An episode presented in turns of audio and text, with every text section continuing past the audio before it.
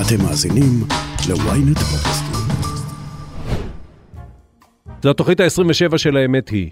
אם תחברו את המספרים מ-2 ועד 7, יצא לכם 27. ג'ים מוריסון, ג'ימי הנדריקס, ג'ניס ג'ופלין, קורט קוביין ואימי ויינהאוס, כולם מתו בגיל 27. בסך הכל יותר מ-20 כוכבי מוזיקה וסרטים במועדון המקאברי והמיתולוגי הזה.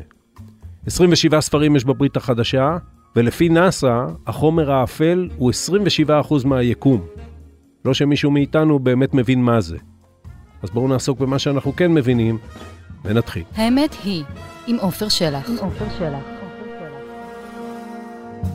כבר הרבה שנים אומרים שהשינוי יכול לבוא רק מהפריפריה.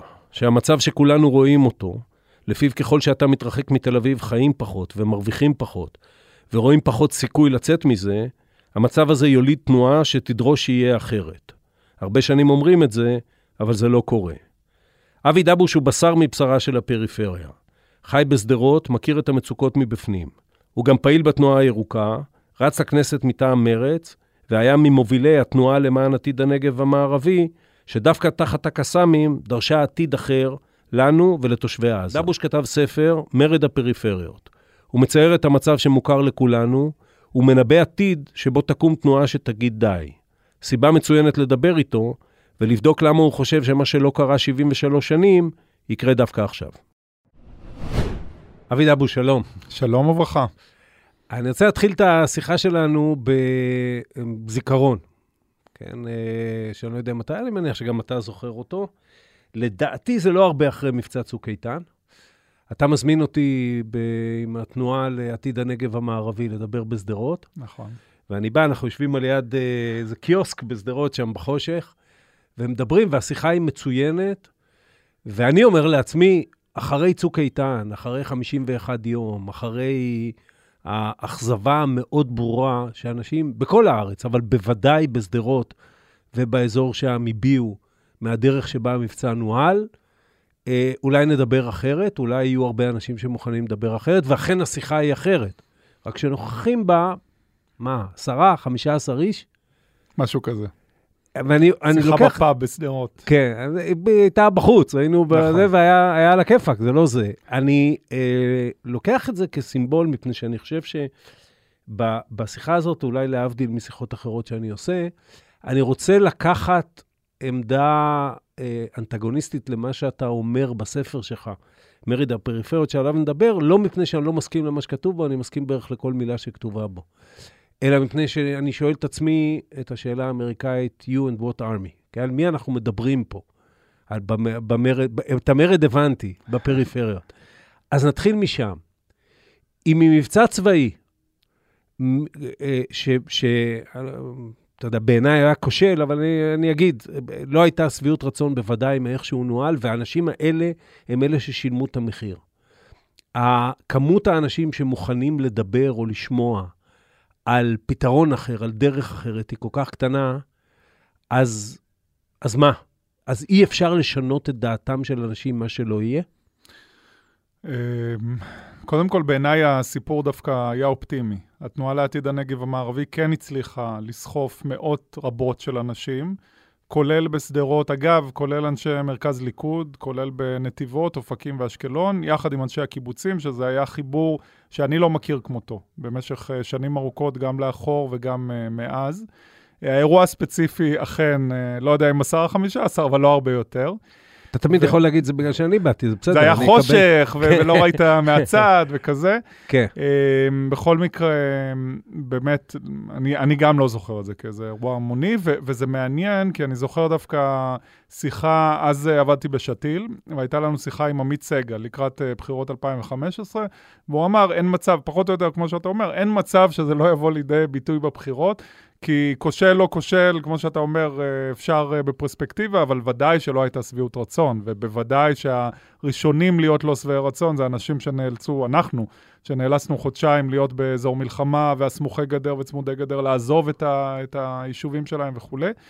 אמ, אז זה, זה אני שם טיפה בצד, כמובן שאפשר להעמיק. לגבי השאלה של אה, מי הכוח, מרד זה יפה, להרים את נס המרד, מי להשם עליי, אבל רגע אחרי זה יכול להיות מביך, כי אתה נשאר עם, ה, עם הדגל ואין אף אחד מאחוריך. אמ, זו שאלה, בעיניי זה אתגר. אה, לשדרותים לצורך העניין, אם התחלנו בשדרות, לאנשי אופקים, לאנשי רהט, לכלל הפריפריות, וכמובן הן מאוד מורכבות, גם מזרחים, גם דוברי רוסית, יוצאי אתיופיה, ערבים. אני פוגש uh, יותר ויותר אנשים ויותר ויותר צעירים שמבינים את העניין הזה, וזה לא מובן מאליו. כלומר, קודם כל בעיניי, או בשבילי, הספר הזה, מרד הפריפריות, היה לכתוב ספר שאני הייתי רוצה לקרוא בתור uh, צעיר, נער או, או גבר צעיר בפריפריה, אני גדלתי באשקלון, uh, ולא היה את הדבר הזה, ולקח לי הרבה מאוד זמן להבין, דרך לימודים אקדמיים, סוציולוגיה, קריאה של מחקרים וכולי, מה זה הדבר הזה שאני מרגיש, ולתת לו תוקף במובן של האישי הוא הפוליטי. אז אני פוגש הרבה אנשים שא' מבינים את זה, ב' מתחברים לזה. האם כל זה יכול להתרגם לכוח ציבורי, כוח פוליטי, גם בחברה האזרחית, גם ברמה המפלגתית? אני באמת לא יודע, אני מייחל לדבר הזה, אני חושב שהוא נכון. רק להגיד שלמשל כמה, כמה הסטריאוטיפ, הפריפריות זה אזור של מיתולוגיות, יש לנו המון כן, מיתולוגיות. כן. וסטריאוטיפים, והרבה אנשים גם, אגב, שגדלו בפריפריות וכבר 20-30 שנה לא נמצאים שם, עדיין חושבים ששדרות, שדרות למשל, זו דוגמה מדהימה, כי עד שנות ה-90, עד העלייה הגדולה מברית המועצות, אז זה היה כפר מרוקאי, זה היה 95 כן. אחוז יוצאי מרוקו, והיא כל כך השתנתה מאז, גם הכפילה את עצמה באמת בעלייה של ברית המועצות, בעיקר יוצאי קווקז, גם אחר כך גרעין תורני, זו דרמה אחרת לגמרי. והדבר הזה, האם הוא מתרגם לכוח פוליטי של שינוי? בעיניי הוא יכול וצריך. אז שדרות למשל, כמעט 50 אחוז לא הלכו להצביע. או, זה, זהו, זה, זה, זה מה שרציתי להגיד לך, כי uh, כן, הייתה, כן היה שינוי בבחירות uh, 2015, וכן גם ראינו שינויים בתוך גלגל ארבע מערכות הבחירות של uh, 19, נכון. 20, 21. אבל השינוי המשמעותי לא היה במעבר מנגיד מחנה למחנה, כששוב, אנחנו הכל בפוליטיקה הישראלית ובציבוריות הישראלית בשנים האחרונות, זה סביב החור השחור הזה של סוגיית נתניהו, נכון. שכבר אה, אה, אנחנו, לא, אנחנו לא צריכים לצאת ממנו. אבל 15, זו דוגמה יותר טובה, כי זה עוד לא נתניהו, ה, לא הקדוש ולא הסטרא אחרא של 2019. שם, שם התחיל נתניהו הגדול והחזק. אז פשוט אנשים לא, מצב... לא באים להצביע. אז אני ננסה להכליל מזה, האם התגובה של הפריפריות לזה אה, אה, שדופקים אותם, בקיצור, וה, והספר שלך מתאר פרק-פרק, אנחנו נעבור על זה, פשוט איך דופקים אותם, היא אדישות יותר מאשר נכונות למרוד. קודם כל, בגדול כן. הנתונים מראים את זה, אגב, באופן עקבי, וראינו את זה בבחירות האחרונות. בבחירות האחרונות הרי הליכוד הפסיד 300 אלף קולות מהבחירות שלפניהן. מי זוכר בדיוק את התאריכים אה, לגבי 2021-2020? ובין היתר, בשדרות אה, עירי, אז קרוב ל-50% לא יוצאים להצביע. וזה מובן מאליו כאשר אתה רואה באמת את, ה, את המדדים החברתיים-כלכליים, וזה מובן מאליו כשאתה מדבר עם אנשים שחיים בעוני ועוסקים בהישרדות וביטחון תזונתי וכולי, ואומרים מה, מה לנו ולסיפור הזה. גם ימין, גם שמאל, לא רואים אותנו, רומסים אותנו, לא סופרים אותנו, לא רואים אותנו ממטר, לא רואים אותנו בעיניים. אז בשביל מה אנחנו נצא בכלל להצביע בבחירות? לא, אבל, אבל תראה, זה, זה... שוב אנחנו מסתכלים על זה משני הצדדים. קודם כל, כשאתה כן מסתכל על מערכות הבחירות של 19, 20, 21, יש באמת תזוזה. אני, אני תמיד אומר, יש שלוש קבוצות בחברה הישראלית שיש תזוזה בהצבעה שלהן. האחת היא ציבור שהוא, נגדיר אותו ימני בלי להיכנס uh, להגדרות, מצביע ימין, בעיקר uh, ליכוד, ששם השאלה, וב, ובצד השני הציבור הערבי, שבהן השאלה היא כמותית. כן? כמה, די ברור לך איך אנשים יצביעו, הם לא יעברו ממחנה למחנה, אבל השאלה היא כמה יבואו להצביע. ויש צעירים ששם זה יכול להיות גם כמה וגם לאן. שם יכול להיות השינוי, ואולי גם נחבר את שני הדברים יותר מאוחר. אבל אם בבחירות, נגיד בבחירות ד', בבחירות האחרונות, יש תחושה שה, שהאדמה זזה, יש תחושה גם, שהיא אגב ממומשת על ידי מנסור עבאס, שמי שייצר כוח יוכל גם לממש אותו ברמה הארצית יותר מגודלו. Okay? כן, בסוף מנסור עבאס בקושי עובר את אחוז החסימה, ותראה איזה איש חשוב הוא. למה זה לא בא? כשאתה מדבר, האנשים שאתה מדבר איתם, בשדרות, במקומות האחרים, למה אצלם זה אדישות, או, או לא בא להצביע, כי כמו שאתה אומר, זה לא שייך אליי, ולא, בואו בפעם האחת הזאת נמשוך את עצמנו בשערות ראשנו, ואולי באמת נהיה חשובים. אז, אז שוב, קודם כל, באופן גורף, אגב, גם בעולם, הבחירות הכלליות, הארציות, הפדרליות, הן באמת נוגעות פחות, או יש שיעור הצבעה יותר נמוך אצל קהלים שחיים יותר בעוני, או באמת אה, במעמד נמוך. אנחנו רואים, אגב, זה הפוך בבחירות המקומיות. בבחירות המקומיות יש הצבעה הרבה יותר אה, גבוהה. מנסור עבאס, עיקר כוחו הרי בא מהנגב, מה, גם הכפרים הבלתי מוכרים והיישובים הבדואים. עדיין, 30-40 אחוזי הצבעה, זה, זה כן. פשוט מדהים, הדבר הזה. Uh, עכשיו, למה זה מתרגם לזה? בעיניי, בין היתר, בגלל שאם אנחנו מדברים בגדול, באופן uh, רחב, על uh, ימין ונגיד מרכז-שמאל, אני חושב שזו ההזדמנות הגדולה של המרכז-שמאל, וזה לא קורה. כלומר, צריך להתנפל על הדבר הזה. עכשיו, אה, המכון הישראלי לדמוקרטיה, למשל, בודק את שנות ה-60. תחילת שנות ה-60, שזה אגב הקבלה מרתקת, היה ימי רק לא בן גוריון. כלומר, גם המפלגות מהשמאל, שהן אה, חברות של מפא"י לצורך העניין לקואליציות, הן לא רוצות את בן גוריון. וזה קצת דומה, כמובן לא אותו דבר, אבל קצת דומה ל, לרק לא ביבי, כי היום 72% מנדטים ימין, ו, והנה, הליכוד לא הצליחו אה, לייצר קואליציה. ואז ב-65 באים, באה החירות, ואומרת, זו ההזדמנות הגדולה שלנו, לנו יש 17 מנדטים, לגח"ל 17 מנדטים, נתחבר ביחד, זו ההזדמנות שלנו לשלטון. ומ-34 מנדטים ביחד הם יורדים ל-26. ואז מה הם עושים? במקום uh, להמשיך לדפוק את הראש בקיר ולהגיד, רק נשנה את הסיסמה, או נביא את הגנרל, או משהו כזה, הם אומרים, צריך לעשות עבודה לעומק. מכולם, אגב, זה מאוד מעניין, מי שהוביל את זה זה יצחק שמיר, זה, זה קצת uh, משונה לאור התפיסה הסטריאוטיפית שלנו עליו, אבל הוא היה איש ארגון, והוא הקים סניפים בפריפריות, והוא הביא מנהיגים מזרחים, אז הפריפריה היא מאוד מזרחית, מנהיגים מזרחים מהפריפריות, והדבר השלישי שהם עשו בעיקר זה לרדת מהסיסמאות הגדולות, אז של יוצאי המחתרות, לפתרונות פשוטים של אה, זוגות צעירים, של תעסוקה וכולי, והדברים האלה פשוט אפשר לקחת כמעט העתק הדבק, והשמאל מרכז לא עושה את הדבר הזה. בוא, בוא עוד, עוד נגיע לזה, אבל זה מעניין, כי אתה, אתה אחד, אתה עושה את זה מלמעלה למטה. זאת אומרת, מה שאתה מתאר זה שמיר, בגין, לא יודע, המנהיגות, אגב, מאוד אשכנזית של הליכוד, אה, מפלגה שלא היה לה עד היום אה, מנהיג שאיננו אשכנזי, לא שהיו לה כל כך הרבה, ועל זה אני אומר לזכותם. נכון. אה, עושה את זה מלמעלה למטה. ושתיים, באופן ברור, שהוא אולי לא ידוע אז, אבל uh, לדוד לוי ולמאיר שטרית ולמשה קצב ולדוד מגן ולמנהיגות המזרחית הזאת שגדלה בעיירות הפיתוח, יש תקרת זכוכית מעל הראש ב, בליכוד. לגמרי. וה... ויצחק שמיר, אגב, הוכיח את זה בזמנו בהתמודדות מול דוד לוי. כן, כן, אבל זה, זה, זה גם אחריו. בסוף, נכון. אה, אה, אני כבר לא מדבר על, על ימי נתניהו. אז ה, ה, איך כשאתה מדבר, שוב, כשאתה מדבר עם צעירים, כשאתה מדבר עם בני גילך בשדרות, באזורים האלה, איך הם מתייחסים לזה? איך הם מתייחסים לזה שלכאורה יש פה את ההתנשאות הכי גדולה עליהם? אלה מהמרכז מחליטים, ככה אנחנו נשנע את הפריפריה לטובתנו, וכשהפריפריה תבוא, שידעו את מקומה. אז אני חושב שבאמת היום אי אפשר לחזור לאותו סיפור, במובן של uh, באמת מלמעלה למטה, או אני, אני אתן לך דוגמה, ב-2015, הזכרנו את 2015, אז מיד אחרי הבחירות, וזה לזכותם ייאמר, מפלגת העבודה, או אז המחנה הציוני, עושים מחקר עומק אה, עם אורית גלילי ודוקטור אופיר אבו על הפריפריות, וזה גם היה סקר של עמדות וגם ראיונות. ומנסים להבין מה קרה שם ואיך אפשר באמת לבנות כוח פוליטי, כי אז בכל זאת 24 מנדטים מול 30, אפשר לדמיין לפחות ש, שיהיה מהפך. ואחד, ה, ואני זוכר, אה, הוזמנתי עם חבריי לתנועת הפריפריות, אה, שם לברל כצנלסון. אה, לקרן שלהם ולדיון, והיה בוז'י הרצוג וכמעט כל הח"כים.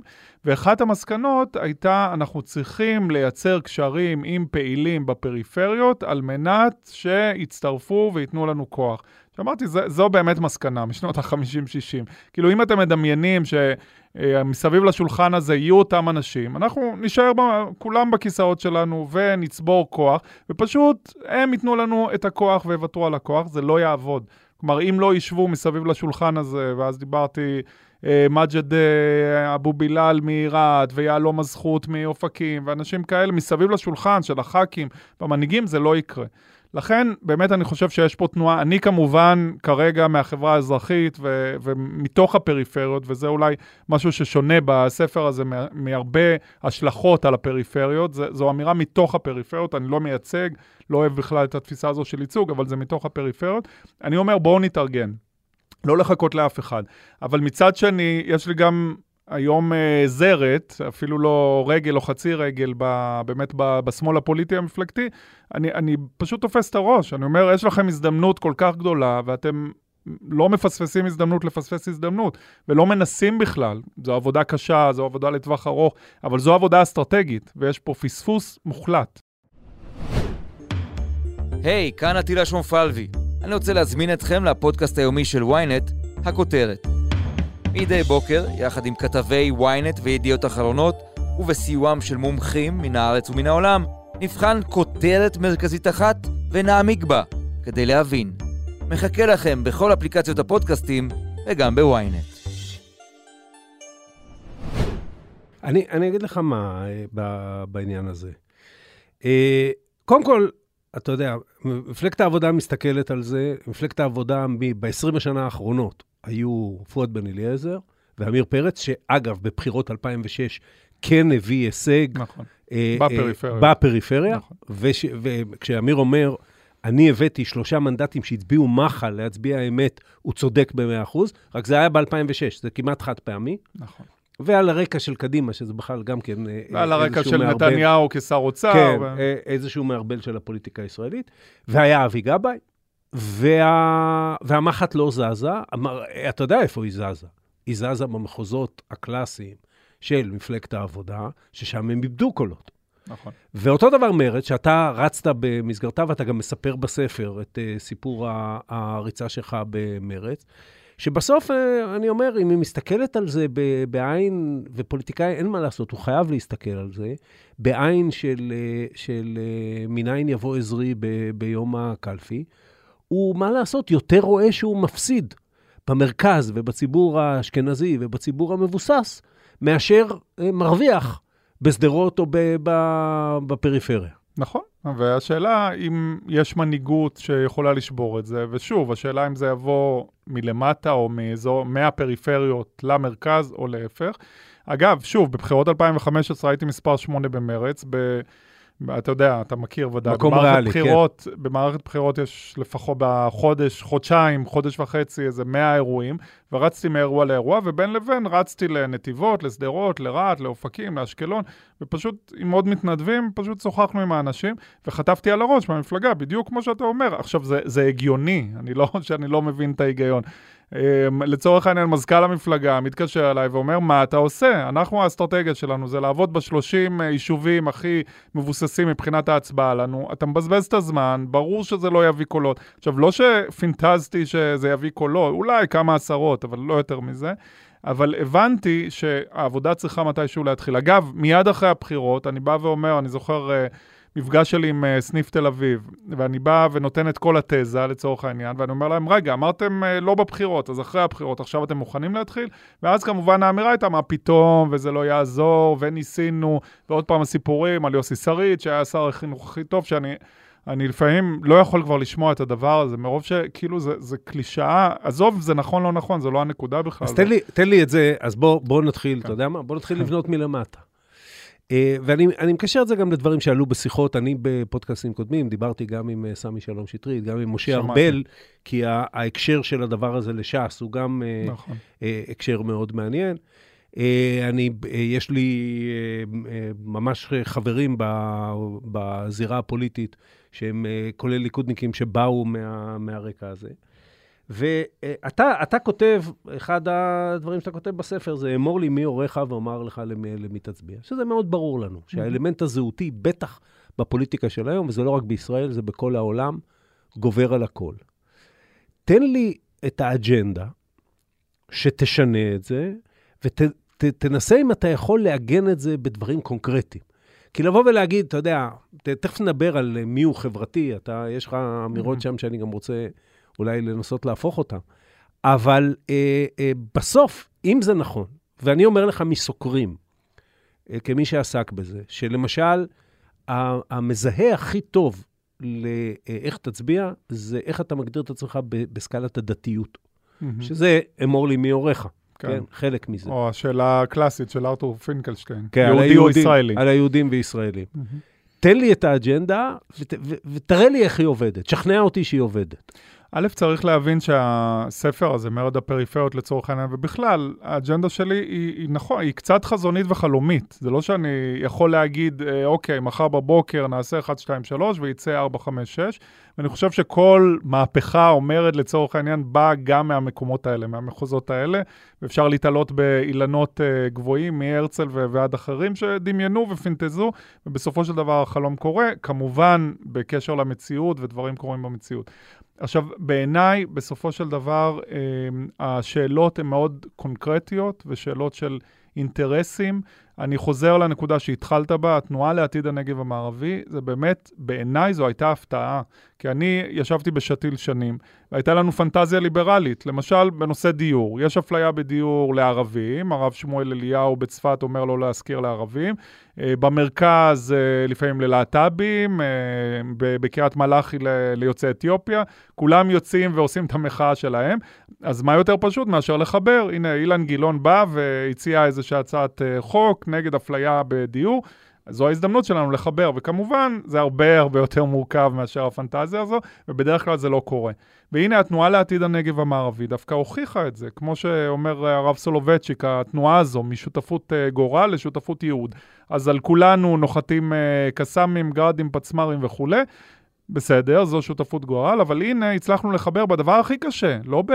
לא יודע, לחלק סנדוויצ'ים לילדים רעבים או משהו כזה, אלא הנושא המדיני, הסדר מדיני, כולל, אני אומר, באמת, היו לנו אנשי ליכוד מובהקים, אנשי מרכז ליכוד, שהצטרפו. למה?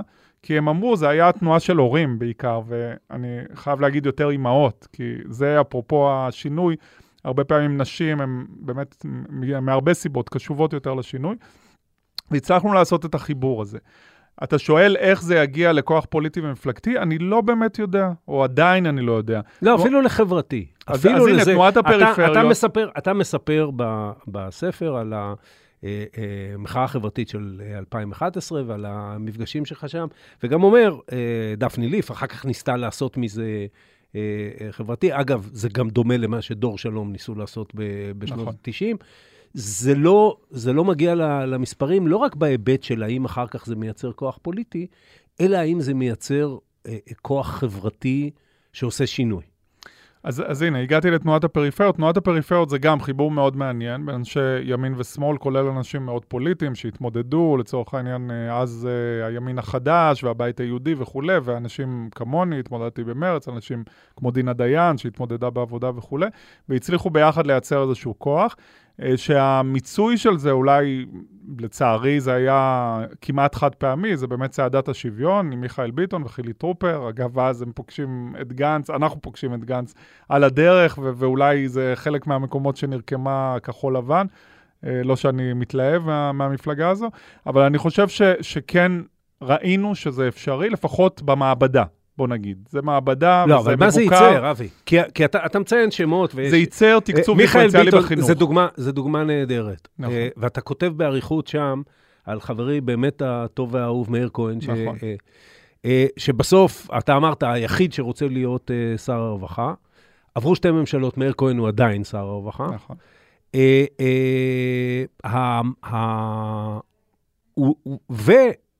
ויותר מזה, אתה יודע, כשמישהו, אתה, ועוד עוד נגיע באמת לזיהוי של אה, מזרחי פריפריאלי, כשמישהו כמו משה כחלון מגיע להיות אה, שר האוצר, שלכאורה מייצג את זה, אתה יודע, בבית גידולו וכן הלאה, הוא לא שר אה, יותר חברתי, הוא לא שר יותר משנה פרדיגמות מקודמיו. נכון. אז איך מייצרים משהו שישנה פרדיגמות, שלא רק יהיה, הנה, איזה יופי, אנחנו הולכים ביחד. אני חושב שא', אה, זה צריך להיות בהובלה של הפריפריות, ואני אומר את זה בצורה מאוד ברורה. אני מזמין את אנשי המרכז הגיאוגרפי והכלכלי, וזה טובי חבריי כמובן, במרץ ובמקומות אחרים, להיות חלק מהדבר הזה, אבל אני, אני אומר, בעיניי זו הקבלה, והיא הקבלה לא קלה לאנשים האלה. זה כמו שאני אומר, אני פמיניסט, ואני מצטרף, אני, באמת, אני מצטרף למאבקים ולהפגנות ולאירועים ולתרומות אבל וכולי. אישה אני לא יכול להיות. אישה אני, אני לא יכול ולא רוצה, זה בסדר גמור. אולי יכול, לא רוצה. אני יכול כן. להתחבר לצד כן. הנשי שלי ו- כן. ולהמשיך להיות גבר, אבל אני מבין לגמרי שזה לא, או אני אתן דוגמה, דיברתי עם אה, נערות ברהט לא מזמן, ואז כן. אמרתי להן, אה, כדי להסביר את הדבר הזה, הרי יהודים שנכנסים ליישובים ערבים, דבר ראשון, מלוכלך, אה, לא מתוכנן, כזה. אז נהדר, אני באמת קשור לרהט, ו- ואני אומר, אני מקים אה, את הארגון, אה, לא יודע, רהט ירוקה, רהט מתוכננת או משהו כזה, ואני בא אליהן ואומר, הנה, אני יודע לגייס כספים, אני יודע להיות מנכ"ל, אני יודע ל- לדבר בתקשורת וכולי. תנו לי להוביל ותצטרפו אליי. זה לא עובד ככה. אולי פעם, אגב, זה עבד ככה, היום זה לא עובד ככה. ואותו דבר, אני אומר, אם רוצים באמת להתחבר לפריפריות, צריך לתת את הכוח לפריפריות. עכשיו, מכל הדוגמאות שנתת, אולי עמיר פרץ, מאיר כהן גם, אבל הוא לא, הוא לא מוביל, הוא, כן. הוא במקום בכיר במפלגה שלו, אבל הוא לא מוביל. עמיר פרץ זה אולי הדבר הכי קרוב, כי עם כל הכבוד, אה, גם אבי גבאי, אנחנו יודעים, הוא כבר הגיע מיליונר, אז הייתה לו ילדות במעברה בירושלים. כל כך, שנות אור מאז הוא באמת הגיע לפוליטיקה, וגם כחלון, בהרבה מובנים, כאילו כמה אפשר, אני זוכר את מופז מדבר על הפרוסה האהבה ושמורחים דג וכולי. הדבר הזה לא, הוא... אבל קח לנו דוגמה, כי מופז היה רמטכ"ל, כמו שאתה אומר, אבי גבאי כבר היה מיליונר, לכאורה הוא כבר לא שייך. באמת שתי הדוגמאות הרלוונטיות זה עמיר פרץ, שגם עושה את הקריירה שלו בעולם העובדים. נכון, כן? ונשאר אה, נטוע בשדרות. כן, וכמובן, וכחלון. וכשכחלון רץ, האג'נדה שלו, אתה יודע מה, וגם כשהוא שר אוצר, במה היא שונה משל יאיר לפיד שקדם לו. הוא מדבר על הורדת מחירי הדיור, הוא מדבר על, אה, על אה, דברים של, נקרא לזה, לצורך העניין, מעמד הביניים. נכון. אולי מפני שגם הוא רואה בפיכחון של מישהו שבסוף צריך להשיג אה, כוח פוליטי ביד, שבבריכה הזאת אה, לא, לא יצאו לו דגים ממנה. לא, אבל כחלון מראש לא בא ב- בעמדה כזו. אגב, מהניתוח של המצביעים שלו, אנחנו מבינים שחלק קלטו כן את השדר, ואולי בצדק, ואולי הוא שיחק את המשחק הנכון, לפחות בבחירות הראשונות ש- שהם התמודדו. אה, הבינו כן איזשהו מסר אה, תת-קרקעי של פריפריות, אבל בפירוש הוא לא הרים דגל כזה, והוא בא לגמרי בשם הקפיטליזם הטהור וכולי, הוא לא דיבר על חלוקה אחרת, על צדק חלוקתי, לא חלוקת קרקעות, לא חלוקת הכנסות, לא מיסי ירושה, לא דברים שהם באמת באמת משנים. אז אני אומר, זה כמו לצורך העניין נשים, שאני מאוד בעד, והלוואי שנראה את הכנסת לפחות חצי ממנה נשים, ואת הממשלה וכולי, עדיין זה אומר שהן יקדמו אה, תפיסה פמיניסטית? בוודאי שלא. ואותו דבר, אם בן, הנה דיברנו קצת על אה, מזרחים, אבל לא משנה, מזרחים או, או בן או בת פריפריות שתבוא לעמדה כזו, האם זה אומר שזו האג'נדה שלה, שזה מה שהיא רוצה לקדם? לא, לא בהכרח. אני מדבר על החיבור, בסופו של דבר, לייצר אג'נדה, אפרופו התנועה לעתיד הנגב המערבי, שהייתה בסגמנט אחד, אבל לייצר אג'נדה שמחוברת לאינטרסים, הנה, אני, אני מדבר על פערים בחינוך, פערים בבריאות, פערים בתעסוקה, מאוד מאוד קונקרטיים. אז בואו נדבר לדוגמה על תואר ראשון חינם, בואו נדבר לדוגמה על יום לימודים ארוך, בואו נדבר לדוגמה על בריאות ציבורית אשכרה, באמת, ולא כללית מושלם וזהב וכאלה. ובסופו של דבר זו האג'נדה שצריכה להוביל. האם היא תסחוף בשלב הראשון אה, מאות אלפים או מיליונים? אני לא בטוח, אבל אין, אין את האופציה הזו. בסופו של דבר, האנשים שאני מדבר איתם, אפרופו, בשדרות, גם בצפון, תנועת הפריפריות פעלה שנים בצפון, בטבריה, בקריית שמונה, בכרמיאל וכולי, הם הומלסים פוליטיים. הם אומרים, אין לנו בית פוליטי, בפירוש. עכשיו, כמו שאתה יודע, האם זה אומר שיום למחרת הם יצביעו לדבר הזה? אני לא יודע. אבל אני חושב ששווה לנסות. אני- אני, חשבתי אז שמרצ בוא- יכולה להיות כזו, והיא אז החליטה בוא, שלא. בוא לא נדבר על הצבעה. כן. בוא נדבר על, אתה יודע מה, על מחאה. מעולה. ובסוף, אם אתה מסתכל על, על אה, מחאת אה, פריפריות, יש את ואדי סאליב, זה בשנות ה-50, קראנו על זה, אבל מי, מי, מי מאיתנו זוכר? שזה, זה, אבל ממה שאני אני יודע, זה באמת, זה פשוט מצוקה, זה, זה, זה, עזוב כל אג'נדה אחרת, זה פשוט מצוקה אמיתית של אנשים. ויש את הפנתרים, שמנסים להכניס לזה גם איזושהי אה, אג'נדה יותר רחבה. בואו ננסה לאמוד את השפעתם של הפנתרים, אני, אני, אה, אה, אין לי את הידע בשביל לעשות את זה, וב-40-50 שנה האחרונות אין. ואולי זה מפני שבסוף, התזה שאומרת, חבר'ה, לאנשים בסך הכל די טוב. ובסדר, הם אוהבים לקטר, והם אוהבים זה, ו- ובוודאי שכל הד- הדוגמאות שאתה נותן בספר, הן בוודאי נכונות. אתה נוסע דרומה מה... או צפונה מהמרכז, בעיקר דרומה, אנשים חיים פחות, אנשים, יש להם פחות כסף לחינוך, אנשים, התעסוקה שלהם יותר נמוכה, היא פחות אה, אה, במגזרים ה... אה, שיכולים לקדם אותה קדימה, הסללה בחינוך, אתה מדבר על כל הדברים האלה. ובסוף, אבל אנשים די טוב להם. או, לחילופין, הם פשוט עוברים למרכז. כי שדרות בינינו, מהבית שלי, יותר מהר הבוק, בבוקר להגיע לשדרות מאשר לתל אביב. ואני זוכר. אני זוכר ב, ב, לפני 20 שנה, אני מסתובב עם אלי מויאל בשדרות, ואלי אומר, תשמע, אני 45 דקות מתל אביב, ומה שאני רוצה להיות זה עיר השינה של תל אביב. אני רוצה, אם אני אתן פה קו רכבת שמביא אנשים ב-45 דקות לתל אביב, וחינוך מצוין, אנשים ירצו לגור בשדרות, בין השאר גם כי זה יהיה יותר זול, מאשר לגור, אני לא יודע מה, בתל אביב, או בפרברים של תל אביב בוודאי, באיזה עיר שינה שקרובה לתל אביב. אז אולי בגלל זה אין, אין באמת סיכוי לחולל את ה... לקחת את הדבר הזה ולהפוך אותו או לתנועת מחאה עממית אה, משמעותית, או לכוח פוליטי. אז קודם כל, אה, הזכרת את אה, ואדי סאליב ואת הפנתרים לצורך העניין. רגע לפני, אני בטוח שדיברו אותו דבר. שאמרו, כן, יש מצוקה וכולי, אבל בסך הכל המדינה, קשה לה, ו- ומצוקות, והיא נותנת פתרונות רווחה וכולי. אז אנחנו לא באמת יודעים מאיפה פורצת מחאה בהיקפים כאלה. אנחנו יכולים לדבר על מחאה בהיקפים שאנחנו מדברים, כמו ב-2011, שמי מי שיער ומי תיאר לעצמו שיהיה כזו הצטרפות עצומה של כל כך הרבה ישראלים. אז אני לא יודע באמת... בין השאר, רק במשפט, כן. כי זאת הייתה מחאה בורגנית. ב- אה, בוודאי, אה, ש- בוודאי. ש- שדרשה, במידה שהיא דרשה, דרשה דברים בורגניים. ועמומה, במידה, כן. בדיוק, במידה שהיא דרשה. אבל לגבי הדברים שאמרת, האם טוב להם? אני חושב שהמספרים uh, מראים אחרת, לצערי. שבוע שעבר יצא דוח, uh, דוח העוני, שכמובן עבר בדממה דקה, חוץ ממאיר כהן והביטוח הלאומי, שכאילו זה עניין של משרד הרווחה, העניין של ממדי העוני, שאנחנו מדברים על כשני מיליון ישראלים שנמצאים מתחת לקו העוני, ואנחנו מדברים על עדיין ישראל אלופה במספר העובדים העניים במערב, זה באחוז העובדים העניים במערב, זה, זה מטורף. או באמת בנושא של חינוך, כאשר ברמת השרון יש פי 50 תעודת בגרות מצטיינת, באשר בשדרות, רהט ואופקים, בעיניי זה שבר מאוד מאוד עמוק. עכשיו, זה נכון שאני אני יכול להגיד, אני לא יודע אם אני יכול לאפיין, לא קראתי על זה מחקרים, אבל מהחוויה זה באמת תחושה שבאזור שלך בסך הכל אתה מתקדם. נגיד שדרות, ואני אומר את זה אפילו לזכות אלון דוידי, אה, כן, יותר יציבה, יותר מתפתחת, אה, יש אה, מה שנקרא, פרופסור דני גוטווין מדבר באמת על שלטון הנאמנות. אז קיבלנו בשנים האחרונות הרבה מתנות, פארק צעירים, וסבסוד של חוגים, וסבסוד של הבריכה וכולי. אז כן, ביחס לעצמך אתה מתפתח, אבל כאשר אתה יושב, נגיד, עם אלעד קלימי, הסגן שלו, עכשיו ימינה, הבית, לא יודע אפילו למה הוא שייך משהו כרגע. שמה, כן. כן, בגרעין התורני. אז, אה, ושאלתי אותו בזמנו, כשבנט היה שר חינוך, עד כמה התוכנית הזו עזרה לשדרות, לצמצם פערים. הוא אמר, תשמע, יש יותר נערות ונערים שהולכים לחמש יחידות, אז היה חמש יחידות בגרות במתמטיקה ובאנגלית, אבל זה עזר יותר למרכז. כלומר, המרכז ברח קדימה, ואנחנו השתפרנו בקצת. והחבר'ה האלה אחר כך אה, הולכים למרכז, כי כאמור המרכז הוא לא כך רחוק. אה, אה, החבר'ה האלה הם- לא הם הולכים נשארים למרכז. בשדרות?